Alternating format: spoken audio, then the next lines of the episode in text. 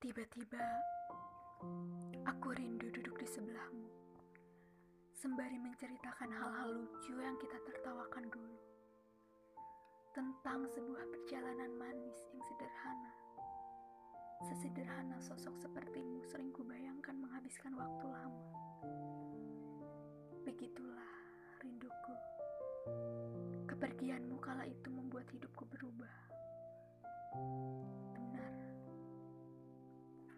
Bersamamu dan kepergianmu adalah sebuah patah hati yang paling berkesan.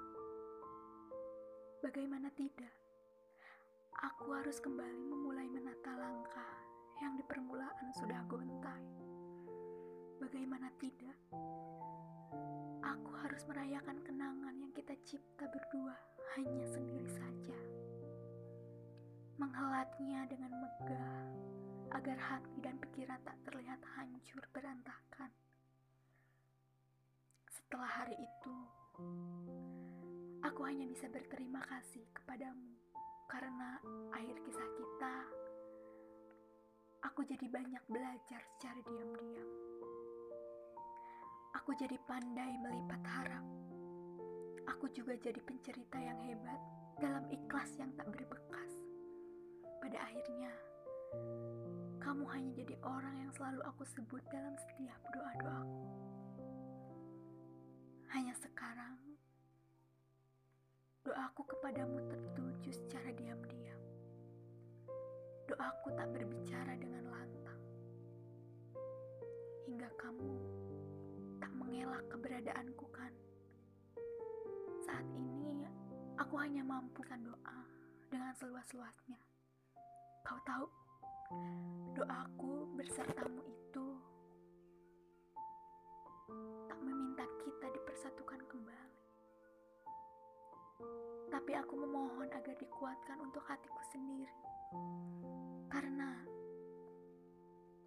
karena jika aku tak kuat, bagaimana doaku yang begitu hebat tersampaikan padamu? Hatiku luas bukan? Kamu mematahkannya berkali-kali tapi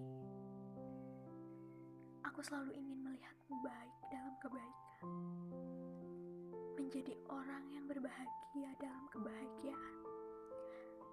Karena aku mengerti, mungkin seseorang yang pergi memang bukan diperuntukkan untukku. Aku percaya adanya kata pisah adalah jawaban termudah untuk mempelajari segala hikmah. Aku belajar dari semesta bahwa banyak segala pinta namun tak selalu terpenuhi.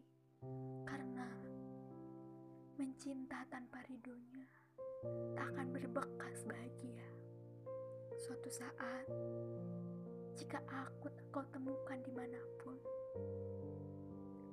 aku berada dalam rasa bersalahmu.